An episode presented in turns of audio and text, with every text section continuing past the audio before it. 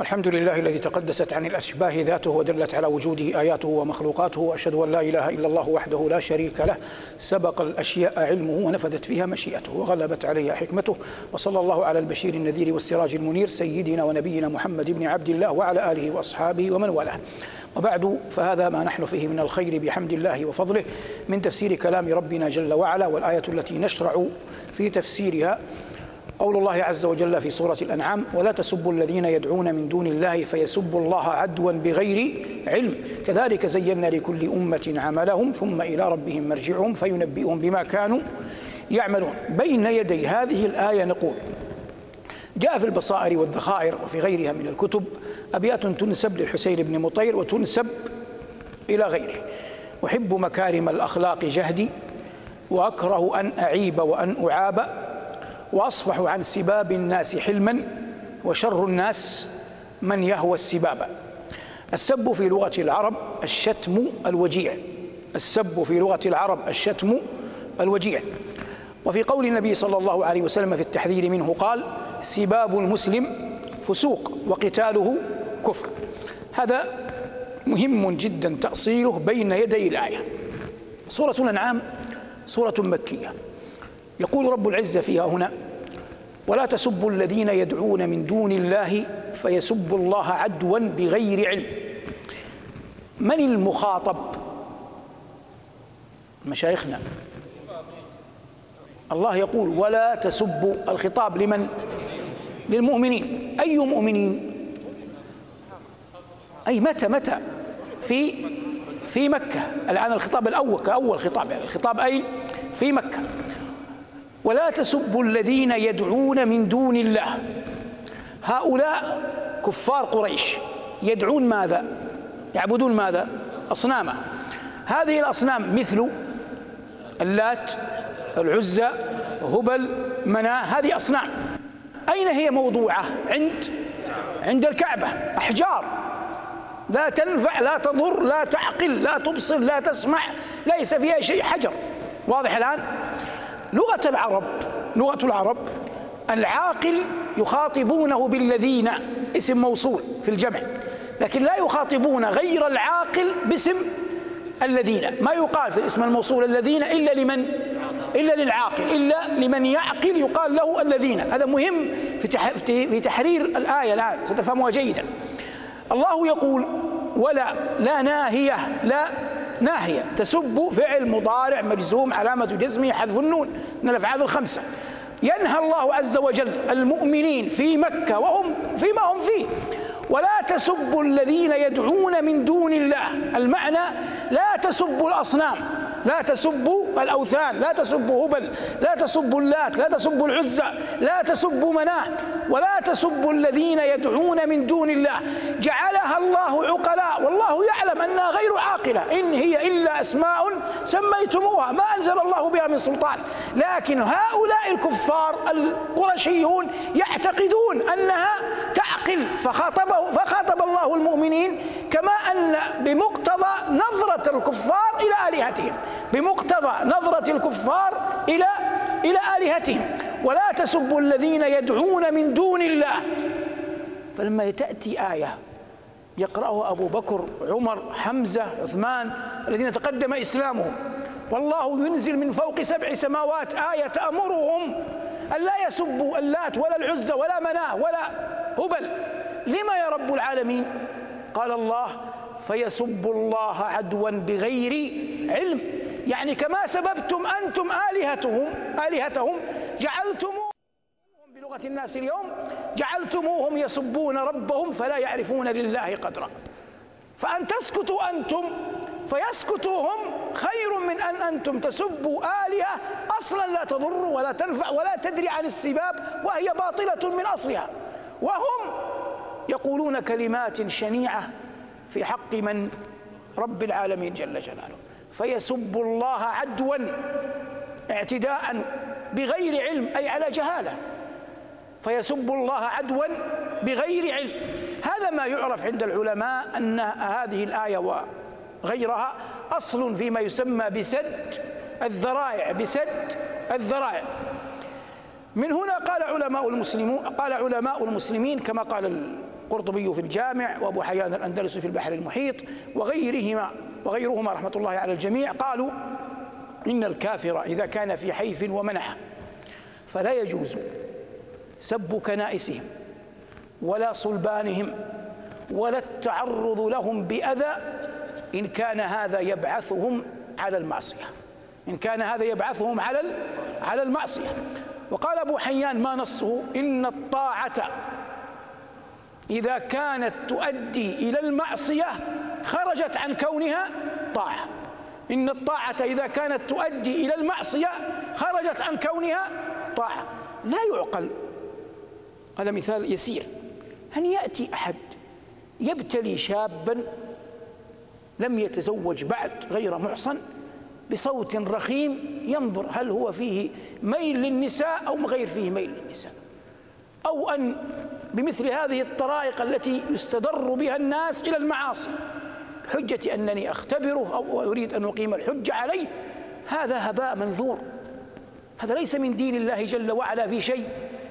يقول العلماء إن الطاعة إذا كانت تؤدي إلى معصية خرجت عن كونها طاعة. لا يجوز لأحد أن يبعث أحد على معصية الله.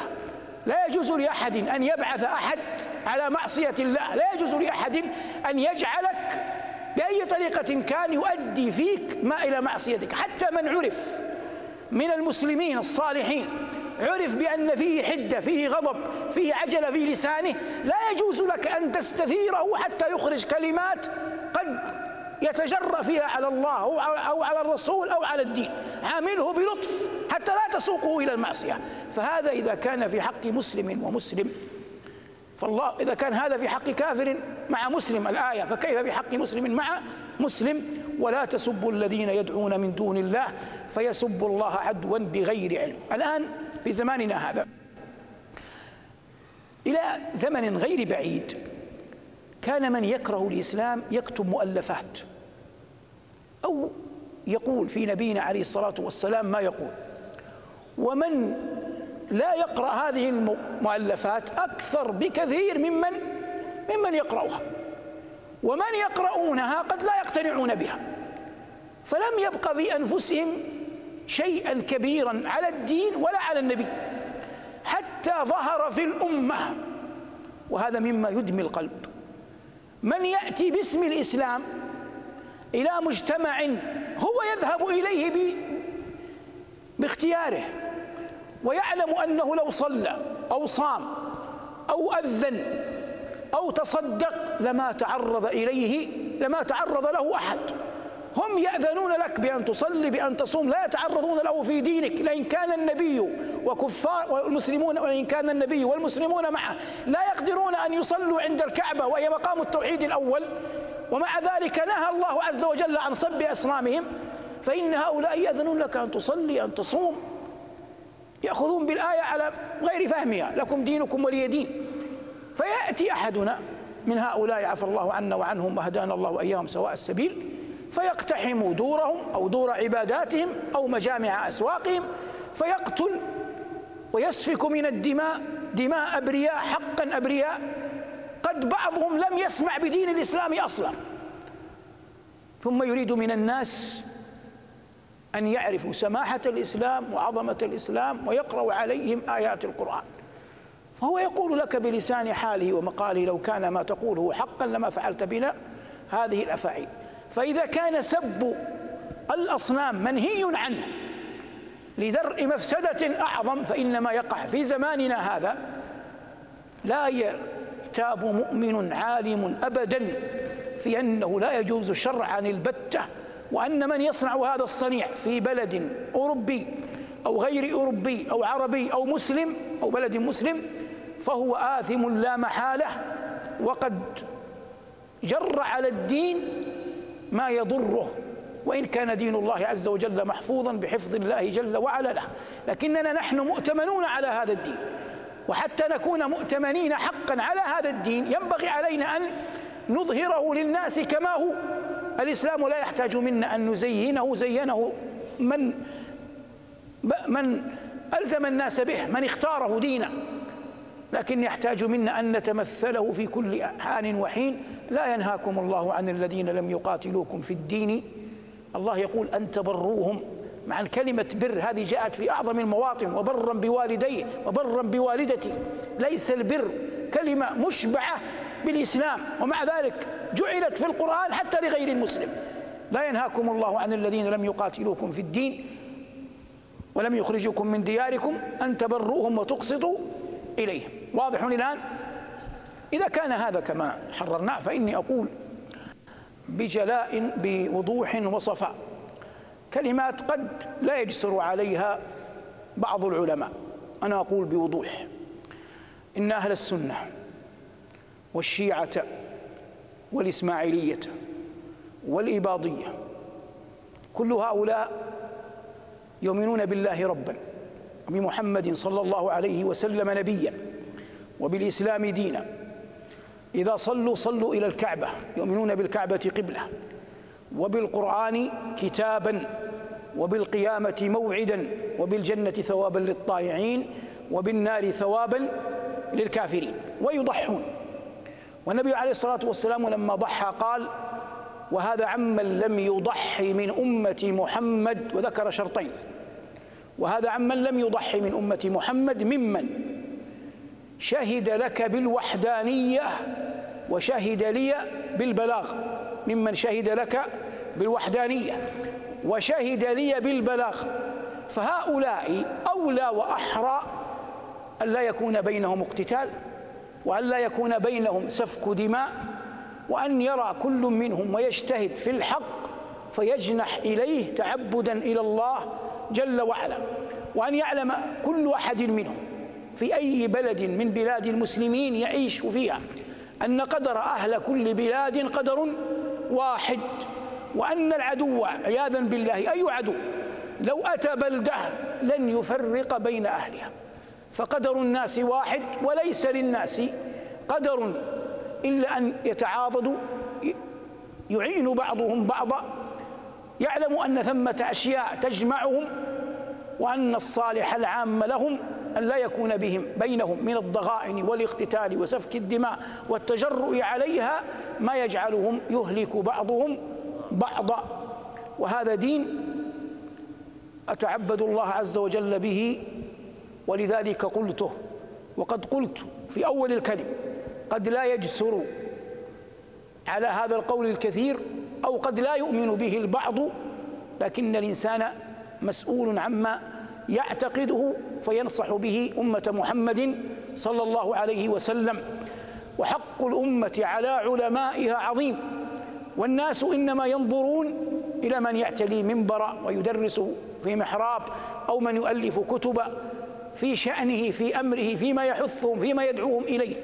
لكن إن كانت كل طائفة تكفر الأخرى بالكلية وتستبيح دماءها وتحرض شبابها على أن ينتقموا من أولئك فلن تقوم للأمة قائمة. والنبي صلى الله عليه وسلم قال فلا ترجعوا بعدي كفارا يضرب بعضكم رقاب بعض. والمعنى أن أحدكم يكفر آخر فإذا كفره استباح دمه واستحله وقتله. فلا ينجم عن ذلك إلا كما هو حاصل في زماننا من ضعف الأمة وتكالب الأمم عليها واختراق العدو لها حتى وقع ما وقع. والمقصود من هذا كله حول قول الله جل وعلا في أصل عظيم ولا تسبوا الذين يدعون من دون الله فيسبوا الله عدوا بغير علم. ومما يعين على فهم هذا قال النبي صلى الله عليه وسلم لعن الله من سب والديه. قالوا يا رسول الله وكيف يسب الرجل والديه؟ قال إنه يسب أبا, الرجل فيسب أباه ويسب أمه فيسب أمه. فالعاقل لا يبعث المعصية على نفسه. ولو أن هذا الرجل الذي ضربه النبي صلى الله عليه وسلم مثلا لم يتعرض لسب والد ذلك الرجل لما تعرض ذلك له.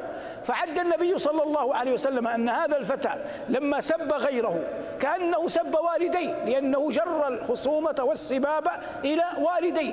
فدين الله جل وعلا أحرى وأولى أن نحافظ عليه وألا نجعله عرضة لكل أحد يطعن فيه. وقد قال الله عز وجل عن نبي هذا الدين وما أرسلناك إلا رحمة للعالمين. فبما رحمة من الله لنت لهم ولو كنت فظا غليظ القلب لانفضوا من حولك. وفي السيرة العطرة والأيام النظرة اذهبوا فأنتم الطلقاء.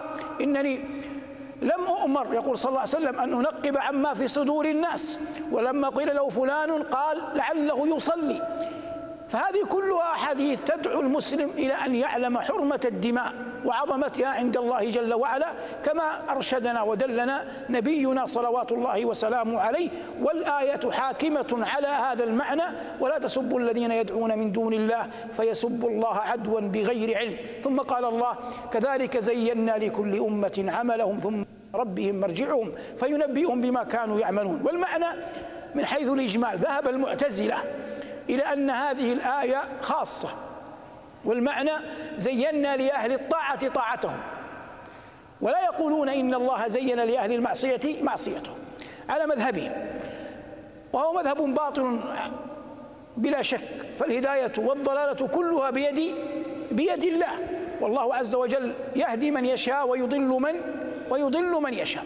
والمقصود من قول الله كذلك زينا لكل أمة عملهم كما زينا لهؤلاء أن يشركوا بالله وللمؤمنين أن يطيعوا الله فإن هذه سنة الله في الأمم التي خلت والقرون التي سبقت.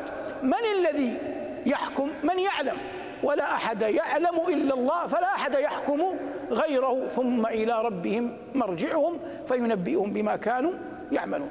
جعلنا الله وإياكم من المتقين الطائعين الذين يعينون غيرهم على هذا الدين والعلم عند الله وصلى الله على محمد وآله والحمد لله رب العالمين.